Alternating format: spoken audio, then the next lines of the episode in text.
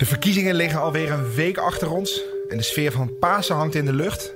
Tijd om de verkiezingsuitslag met elkaar te gaan bespreken. Welkom bij een nieuwe uitzending van Utrecht Kiest. En mijn naam is Jelle Tieleman. Ik denk stiekem Helene helemaal niet zo blij is. Helene is wel de grootste geworden, maar ze had meer gehoopt. Ja, ze zullen er ongetwijfeld uitkomen. De vraag is alleen wel ehm, ja, hoe lang dat goede gesprek gaat duren. Dan heb je een hele krappe meerderheid met heel veel partijen. Ja, met heel veel partijen. Ik zeg dan heel instabiel. Ja, dan Dat loopt klinkt dan... een beetje als een padstelling. Nou, precies, dan loopt het vast. Er wordt al gefluisterd over een minderheidscoalitie. Als Helene de Boer eh, echt zegt, we willen per se zonder de VVD... dan denk ik dat we afstevenen op zo'n minderheidscoalitie.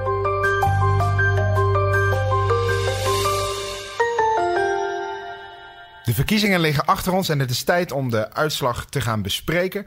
Wie zijn de winnaars, wie zijn de verliezers en hoe moet het verder in de stad Utrecht? Dat doe ik uiteraard met Diana Hoekstra. Zij is politiek verslaggever van het AD Utrechtse Nieuwsblad. En met Wouter de Heus, politiek eh, columnist van het AD Utrechtse Nieuwsblad. En dat doen we dus allemaal in Utrecht Kiest, de politieke podcast van het AD. Ehm, Diana, Jij was erbij bij in Tivoli-Vredenburg toen eh, de exit poll bekend werd. Toen Jan van Zanen, de burgemeester, de uitslag bekend maakte. Eh, we kunnen wel zeggen GroenLinks de grote winnaar. D66 niet meer de grootste. En nu? Ja, nou ja, dat was wel even om even eh, terug te keren naar dat moment van die exit poll. Dat was natuurlijk een heel spannend moment. Omdat dat eigenlijk ook het eerste moment was dat er echt eh, eh, duidelijkheid kwam over het zetelaantal. Want er heeft ook heel weinig gepeild in de aanloop naar de verkiezingen. En toen zagen we ineens dat eh, GroenLinks van negen zetels omhoog schoot naar eh, maar liefst 13 zetels. Nou, later op de avond is, zijn ze één zeteltje teruggevallen. Dus met Ehm, 12 zetels de grootste partij ja, van de stad. precies. Uiteindelijk dus bleek later op de avond alsnog de grootste partij. Daarmee hebben ze D66 van de troon gestoten. En eindigde GroenLinks dus op 12 zetels. Eh, D66 op 10. Daarmee zou je kunnen zeggen, ze hadden 13 zetels... dat het eh, eh, al ingecalculeerde verlies eh, nou ja, meevalt. Ehm, eh, in Amsterdam bijvoorbeeld hebben ze maar liefst vijf zetels verloren. Ehm, ja, je zou kunnen zeggen dat voor D66 de, ja, de schade beperkt is gebleven. Dat merkte je ook heel erg, hè, de avond. eh, dat eh, Ja. Klaas Ja. Verschuren was eigenlijk... De leider hè, Ja. van de, de, gro- D66. de grote leider van D66 was opgelucht. Was Ja. echt opgelucht. Eh, dus je zag dat hij een, eh, een grotere klap had verwacht. Eh, en Helene... Vind jij dat ook? Deel je dat, die analyse, dat ja, het zeker. meevalt? Ja, valt mee. Als je kijkt ook naar een- de Amsterdamse verhoudingen... eh, die het meest eigenlijk op Utrecht eh, lijken de laatste tijd... Daar, eh, daar is GroenLinks he- is, he- heeft veel meer gewonnen dan in Utrecht. En D66 veel meer verloren. Daar zijn de verschillen veel groter. Dus een, ja, ik weet niet wat het, waar- waarom het zo is. Kennelijk is de, is de lokale invloed toch groter dan ik soms inschat. Hè? Die, eh, Is Utrecht een linksere stad nog dan Amsterdam? Is dat misschien een conclusie? Mm, Nee, dat denk ik niet. Ik denk dat, dat Nee. Amsterdam van, Nee. van, eh, eh, uit traditie nog linkser is dan, eh, dan Utrecht. Ja. Eh, maar ik heb het wel eens in het begin hebben we het erover gehad. Wat is nou de lokale, het lokale aandeel van gemeenteraadsverkiezingen? Overdrijven we dat niet te veel? Is het niet gewoon 80% nationaal eh, sentiment, 20% lokaal? Wat doen Het nou klavereffect, het ja, ja, wat doen nou eigenlijk die lokale campagnes? En toch, als ik dan hier de uitslag eh, bekijk, denk ik dat die lokale, eh, het, het lokale, de lokale Utrechtse politiek meer eh, beleefd wordt dan ik, eh, dan ik had verwacht. Ja, ja ik, ik vind het heel lastig te verklaren. Want eh, in mijn ogen ik denk ik niet dat D66 nou per se een hele goede campagne heeft gevoerd. Integendeel.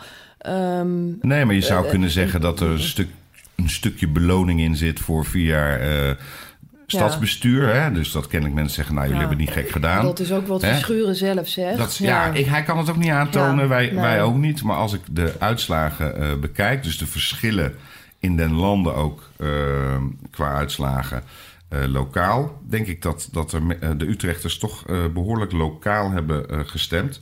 En een hoge opkomst, hè? bijna 60 procent. Daar was Ja. iedereen eh, ongelooflijk gelukkig mee. En ik Met name de burgemeester was daar trots op. Hè? Dat Ja. het voor de derde keer op rij, zeg ik even uit mijn hoofd, Ja. een hogere opkomst is. Ja, zeker. Laten we zo meteen even ehm, met elkaar gaan bespreken wat deze uitslag betekent voor de toekomst. eerst even de, de, de uitslag van ook de andere partijen even bespreken. Wat valt verder op, Diana? Nou ja, dat de VVD uh, nog steeds de derde partij van de stad is. Uh, is en, en dus ook blijft. Ze hadden vijf zetels, maar zijn wel gegroeid met één zetel. Uh, komen dus uit op zes. Dat is misschien toch verrassend.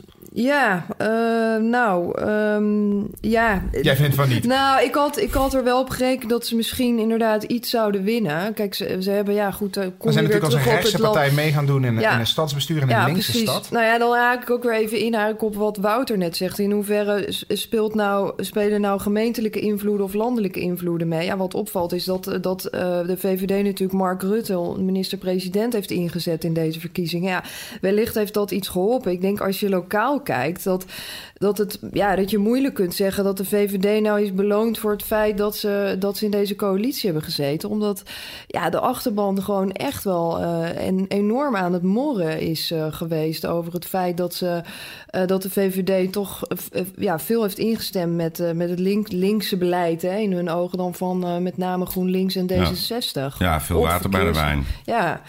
Daar zie je dat maar, VVD's lokaal zijn uh, veel linkser dan het landelijke geluid. Hè. Dus in Utrecht is de VVD, zou je best links uh, kunnen noemen, althans vind ik. Uh, daar, daar zullen ze bij de GroenLinks uh, weer niet mee eens zijn. Want die vinden de VVD heel erg Knijterrechts. Knijterrechts, werkelijk.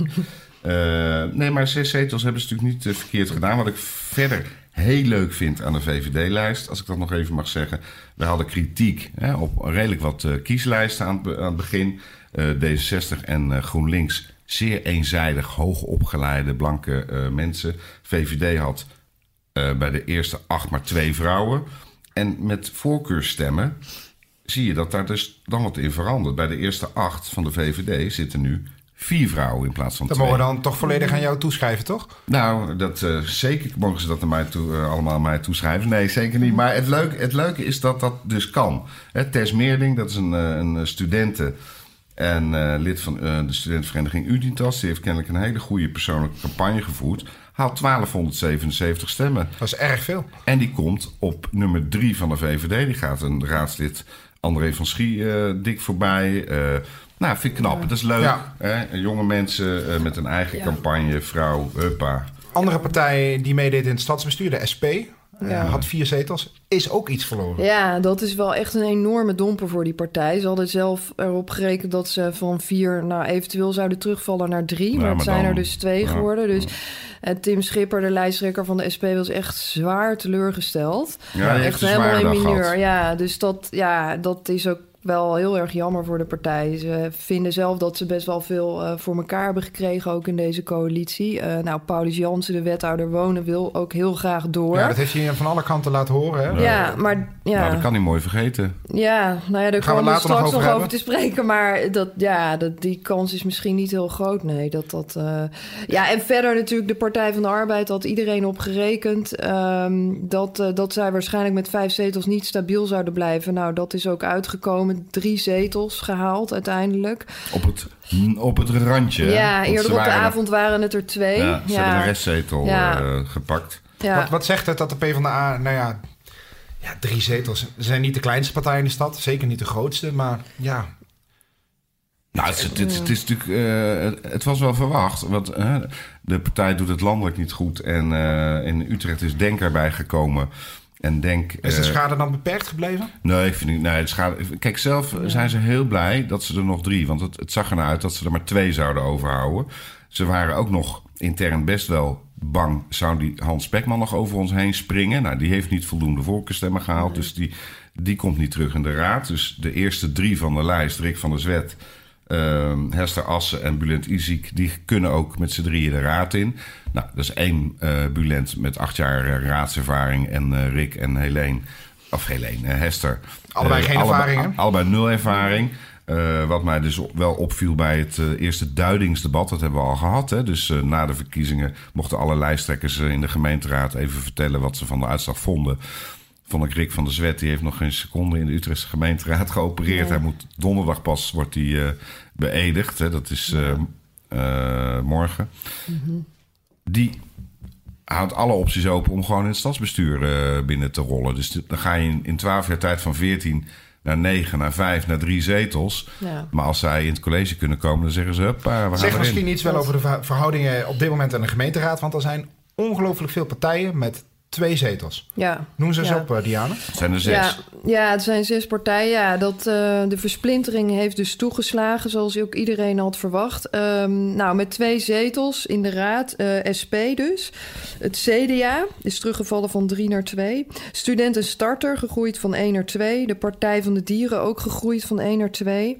De ChristenUnie stabiel gebleven met twee zetels. En Denk, de nieuwkomer, dus eh, komt ook met eh, twee eh, man binnen in de raad.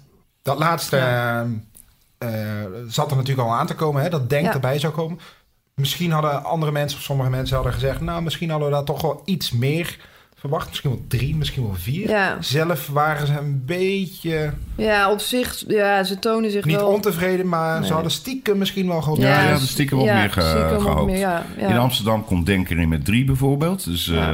eh, Utrecht wat kleiner. Wat, wat ook opvalt is dat de PVV in Utrecht met slechts één Ja. zetel... eh, stonden lange tijd op twee in Klopt. de, in, de, in, de, in de peilingen. Ja, klopt. Ja, Ja, maar ja ook, dat, eh, dat kun je gewoon echt een forse tegenvaller noemen voor die partij. Ja, dus PVV één zeteltje, eh, Denk eh, twee. Dus dat, dat valt reuze mee. Ja. De kleintjes die er al zaten, hebben het dus toch heel goed gedaan. Studenten starten en de Partij van Partij de van de Dieren. Dieren, die zijn Ja. eh, natuurlijk gegroeid van 1 naar 2. we moeten even niet vergeten dat Stadsbelang Utrecht ook nog een zetel heeft verloren. Ja. Dus Dus die gaat van 2 naar 1. Dus we hebben nu twee partijen met één zetel. PVV en Stadsbelang Utrecht. We hebben er zes met twee, die heeft Diana net eh, genoemd. Dan hebben we de PvdA met drie. En dat zijn dus negen. Ja, ik noem dat splintergroeperingen. En dat zal het eh, heel erg ingewikkeld maken om, eh, om een nieuw college te vormen, een nieuwe coalitie te vormen. Ja. Het is de beste uitslag eh, ooit, eh, dus eh, we zijn heel blij. En eh, ja, we gaan morgen kijken waar, waar dit ons gaat brengen. Vanavond gaan we echt eerst feest vieren. Echt super eh, trots op al onze vrijwilligers die dit resultaat behaald hebben. Dus eh, daar ga ik eerst nu van genieten.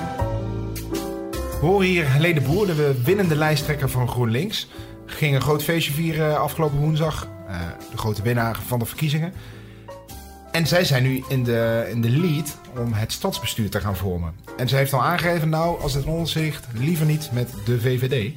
Dus dan ga je een stadsbestuur krijgen over links. Maar met wie? Hoe gaan we dat doen, Diana? Leg het uit. Ja, nou dat is een lastige vraag voor uh, Leen de Boer die nu voor ligt. Uh, ja, zij heeft ook al in de aanloop naar de verkiezingen gezegd... Hè, we willen het liefst een zo links mogelijk college hebben. Nou, dus ze zou ook stemmen allemaal op GroenLinks... want als wij de grootste worden, kunnen we het initiatief nemen. Nou, dat initiatief mag zij nu ook nemen. Um, ze heeft ook al uh, eerste gesprekken gevoerd met alle partijen. Ja, want hoe gaat um, dat dan? Daar wordt zij genodigd van allerlei mensen uit op... Ja, op, op, op, ja, waar eigenlijk? Waar komen die mensen? Uh, op het stadhuis voeren ze die gesprekken. Helene de Boer heeft uh, van de week samen met de wethouder uh, Kees Diepeveen gesprekken gevoerd met alle partijen. Het is toch ook opmerkelijk dat, ja. met, dat Kees Diepeveen erbij zit. Ja. Um, dus dat, uh, dat doen ze zeg maar. De, die komen dan allemaal de partijen komen, ja, komen met z'n tweeën gewoon onder het genot van een kopje koffie en een koekje erbij. Uh, gaan ze dan praten. Ges, gemiddeld duren die gesprekken ongeveer drie kwartier tot een uur. Nou, zij heeft iedereen gehad. En uh, Helene Boer heeft van de week. en dan dus, maakt ze dan een verslag van of dan gaat ja, ze weer terug? Nou, dan... ze heeft een, een brief aan de raad gestuurd waarin verder niet zo heel veel in staat. Dat ze, ze, ze geeft nog niet in die brief, althans nog geen richting aan van wij willen nu per se verder praten met deze partijen. Wat ze wel bekend heeft gemaakt is dat ze een verkenner uh, bereid heeft gevonden uh, de boel nu te gaan oppakken. En dat gaat om André van S. Ja, oud-Kamerlid. Van de Voor PSP. PSP. Dat is ongelooflijk. Ja. Uh, in de tijd dat GroenLinks nog geen GroenLinks ja. was, was het PSP PPR. De Communistische Partij Nederland en de Evangelische Volkspartij. Dat ja. is nu GroenLinks. André van S, echt wel een heel stevig Kamerlid. Mm-hmm. Later wethouder in Amsterdam. Ja, van 2010 tot 2014. Ja. Heeft toen nog uh, als leider van de toenmalige GroenLinks geprobeerd in 2014 een college te vormen met D66 en de VVD. In Amsterdam. Amsterdam. Ja. Niet is gelukt. Het is niet gelukt. Nee, maar die... Dat zegt wel iets hoor, dat ja. zij André van S aanstelt. Een erkende ja. linkse mevrouw. Uh, om in Utrecht toch, denk ik, te proberen over links te gaan. Ja. Ik wil, want we hadden het over Helene, hè, die was heel blij. Ze ging een groot feest vieren. Ik denk stiekem Helene helemaal niet zo blij is. Ze waarom dan? Nou, Helene is wel de grootste geworden, maar ze had meer gehoopt.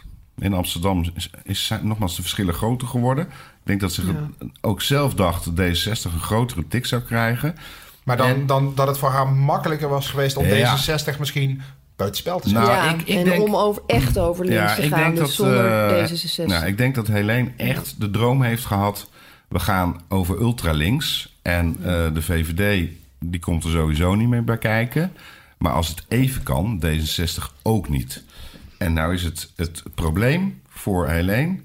D60 heeft net iets te weinig verloren. Zij hebben net, zelf net iets te weinig gewonnen.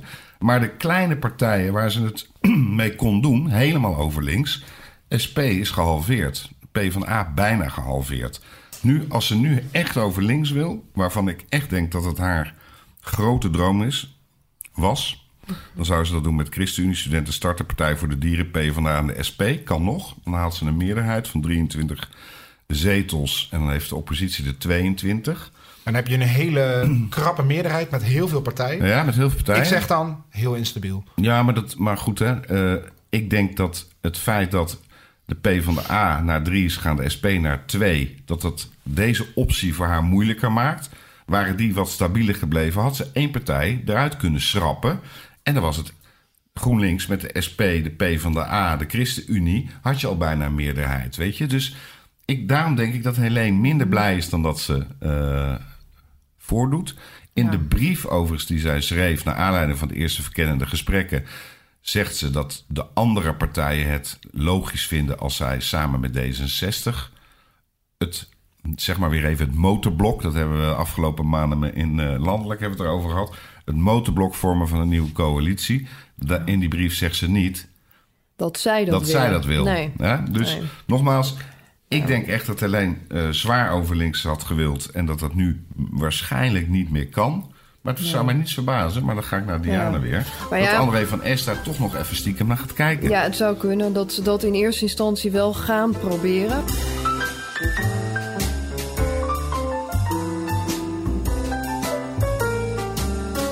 D66-leider Klaas Verschuren die ziet wel een rol voor zichzelf en voor zijn partij in de vorming van een nieuw stadsbestuur. En eh, afgelopen woensdagavond, direct na de uitslagenavond, liet hij dat al weten. Een paar zetels. En nu? Nou, nog steeds heel erg blij met het resultaat. 1 op de 5 Utrechters heeft op D66 gestemd. Eh, daarmee halen wij het eh, ene hoogste resultaat ooit. En eh, nou, dat is wel een resultaat waar we blij mee zijn. Wat zie je voor kansen van een stadsbestuur? We werken al acht jaar samen met, met GroenLinks in een coalitie. Dat gaat goed. Maar je ziet wel dat eigenlijk het rest van het speelveld eh, behoorlijk verdeeld is. Heel veel partijen met één of twee zetels. Een enkeling met drie. En de VVD zeg maar met, met zo'n vijf à zes zetels. Ja, om daar een werkbare coalitie van te maken, dat zal nog wel, eh, zal nog wel even praten worden. Gezien de geschiedenis, dan denk ik dat we met een goed gesprek een heel eind kunnen komen. Dus ik heb er wel vertrouwen in. Een goed gesprek moet D66 heel ver gaan brengen. Diana, heb jij dat vertrouwen wat Klaas Verschuren hier lijkt uit te stralen ook? Eh, ja, ze zullen er ongetwijfeld uitkomen. De vraag is alleen wel ehm, ja, hoe lang dat goede gesprek gaat duren. Nee, want het, kijk, het is wel een beetje lastig. En je zou kunnen zeggen dat D66 ook misschien wel een beetje sleutelpositie inneemt. Omdat GroenLinks, zoals we dus net hebben besproken, heel graag echt over links wil. Maar eh Klaas Verschuren heeft aangegeven dat hij een echt linkse coalitie niet aan een meerderheid wil gaan helpen. Ehm, eh, en D66 het liefst wel de VVD erbij betrekt, wat Helene de Boer dus eigenlijk niet wil. Ja, dan Dat loopt klinkt dan. een beetje als een padstelling. Nou, precies, dan loopt het vast. Eh, ja, en dan? Dat is dan dus de grote vraag. Er wordt al gefluisterd over een minderheidscoalitie. Nou ja, dat zou dan betekenen... Hoe werkt dat? Ja, dat GroenLinks en D66 dan samen, ze hebben 22 zetels, dus net op één zetel na geen meerderheid.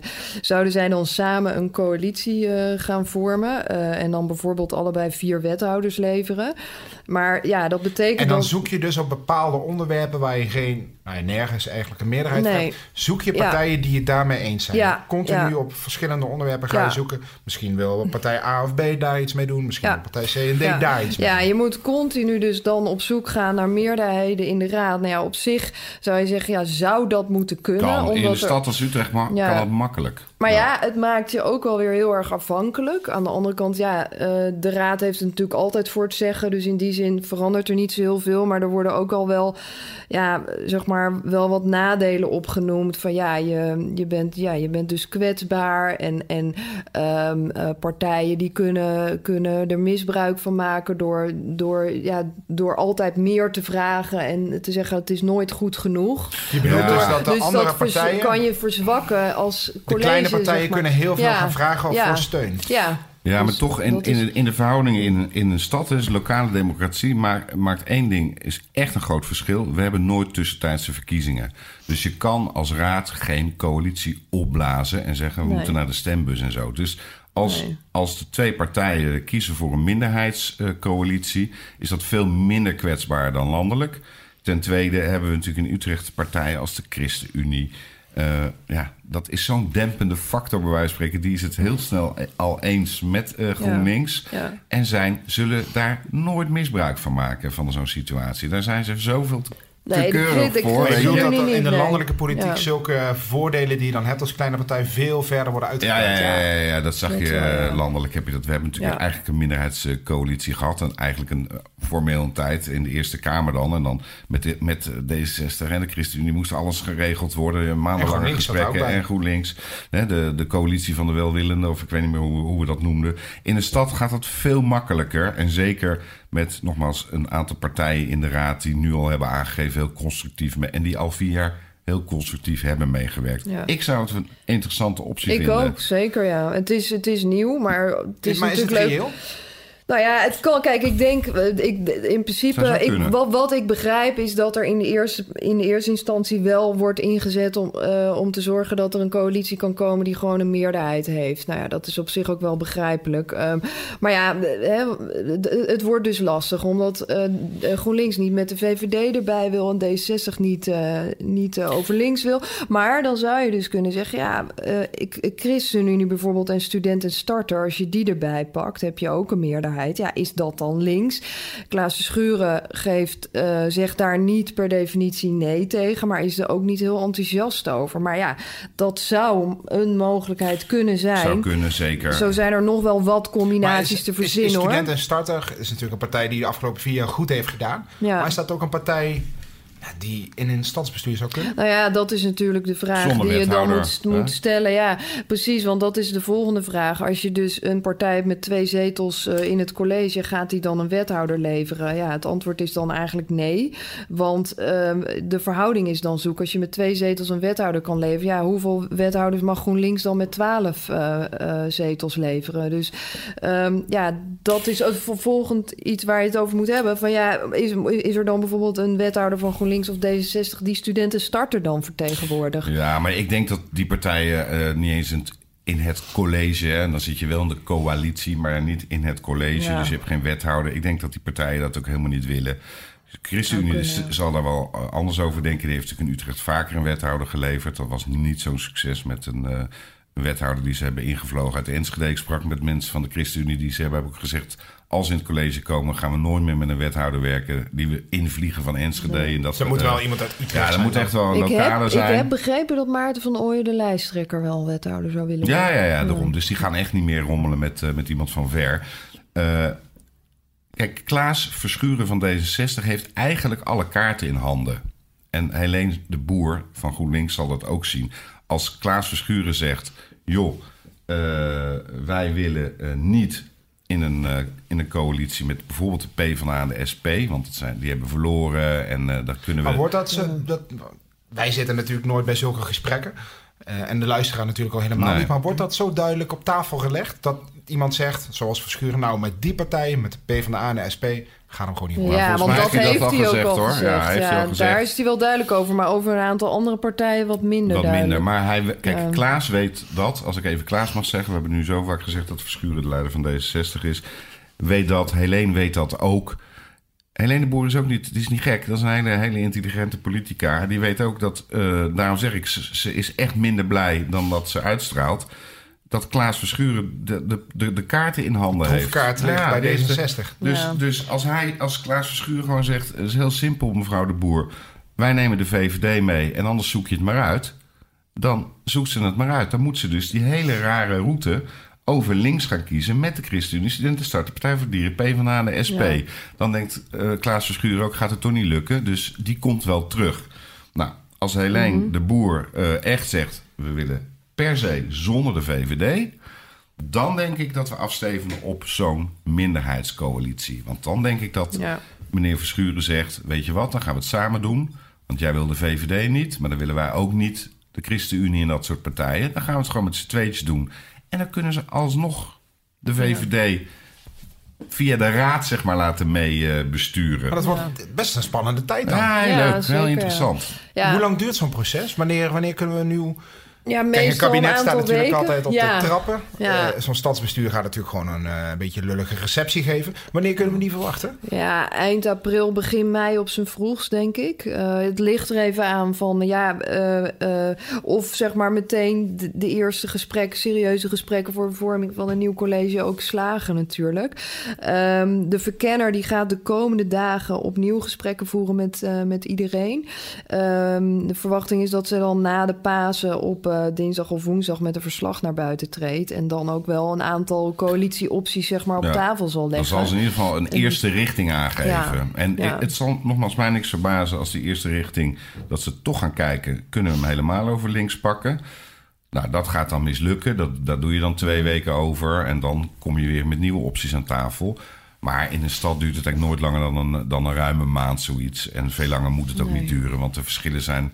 Hè, we kunnen wel doen alsof het heel groot is. Maar in zo'n stad zijn de verschillen toch veel kleiner dan landelijk. En eh, als André van S deze podcast goed luistert... dan is er binnen een week wel uit.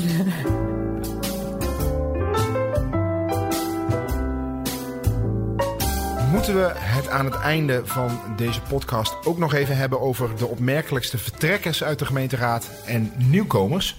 Wouter en Diana, jullie hebben de afgelopen jaren de gemeenteraad op de voet gevolgd. Een aantal eh, raadsleden eh, zijn inmiddels weg. Noem eens de opmerkelijkste vertrekkers. Nou, gisteren hadden we natuurlijk een afscheidsraad eh, met... Nou, ik, ik heb het niet geteld, maar volgens mij wel twintig mensen die afscheid namen. Of Ja, ik dacht het ook. Of iets meer zo. Ja, of nog iets meer. Dus eh, we hebben... En drie mensen zijn kon- koninklijk Ja. onderscheiden. Ja. Koninklijk, eh Bushra Dibi en eh Khadija Bourazani van de PvdA. Omdat je dan 12 jaar in de raad zit. Na 10 jaar ben je, kom je eigenlijk automatisch in aanmerking voor een lintje. En eh, de raadsnestor Arjan Kleuver van, eh, van D66, ook na 12 jaar met een eh, prachtig lintje. In de afscheidsspeech wilde Khadija eigenlijk dat iedereen er nu ridder Khadija eh, gaat noemen.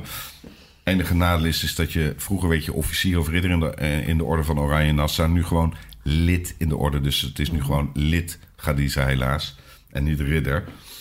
Eh, nou ja, dat zijn wel mensen die met zaligheid 12 jaar voor de stad hebben gewerkt. Dus dat, eh, ja, ik vond dat ze allemaal een mooi verhaal hadden.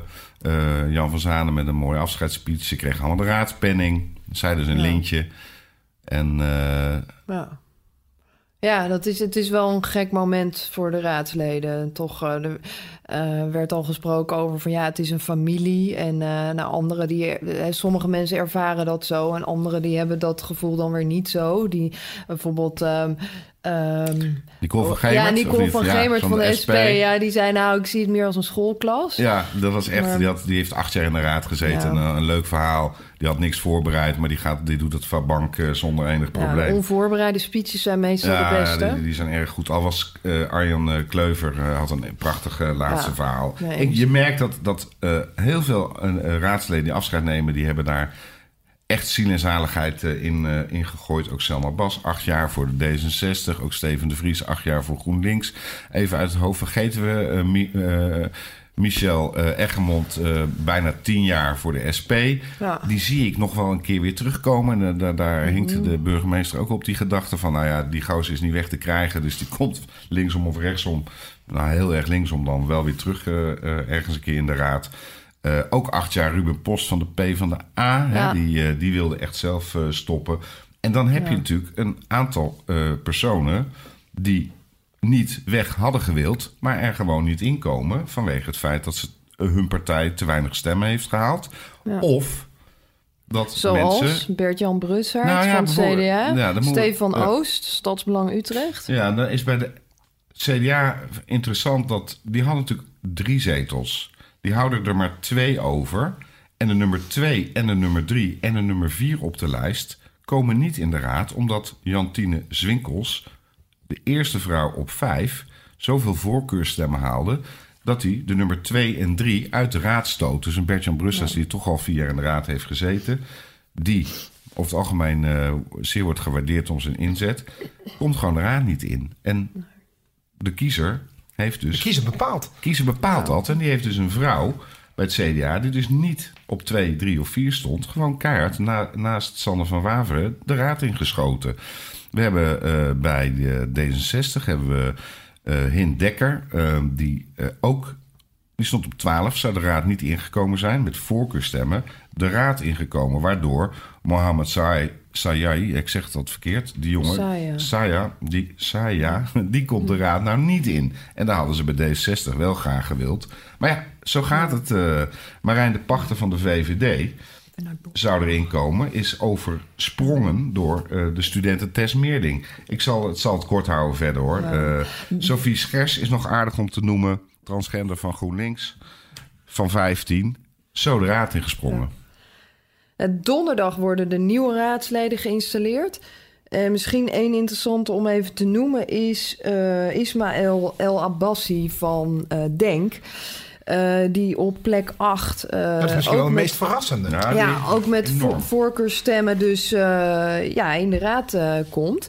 Hij is zelf heel blij. En ja, hij is oud, oud voetballer. Ehm, ze heeft best wel een grote bekendheid, met name in de wijken Overvecht en Kanaleiland. Heel groot netwerk ook. Heeft best wel een flink campagne gevoerd ook. En ja, die schiet dus ineens qua stemmen, is die omhoog geschoten. En, ja, dat is wel iemand om in de gaten te gaan houden de komende tijd. Zeker. Dat was hem dan. De laatste, voorlopig laatste uitzending van Utrecht Kiest. Politieke podcast van het AD. Afgelopen weken hebben we jullie, de luisteraar, uh, nou ja, aan ons weten te binden. Daar zijn we heel blij mee. En we hopen dat we jullie een beetje hebben kunnen informeren over de Utrechtse politiek. Voorlopig de laatste uitzending. We gaan kijken uh, in welke vorm we door kunnen gaan met de podcast. Um, hou dit kanaal zeker in de gaten. Um, voor nu bedankt en nou wellicht tot de volgende keer.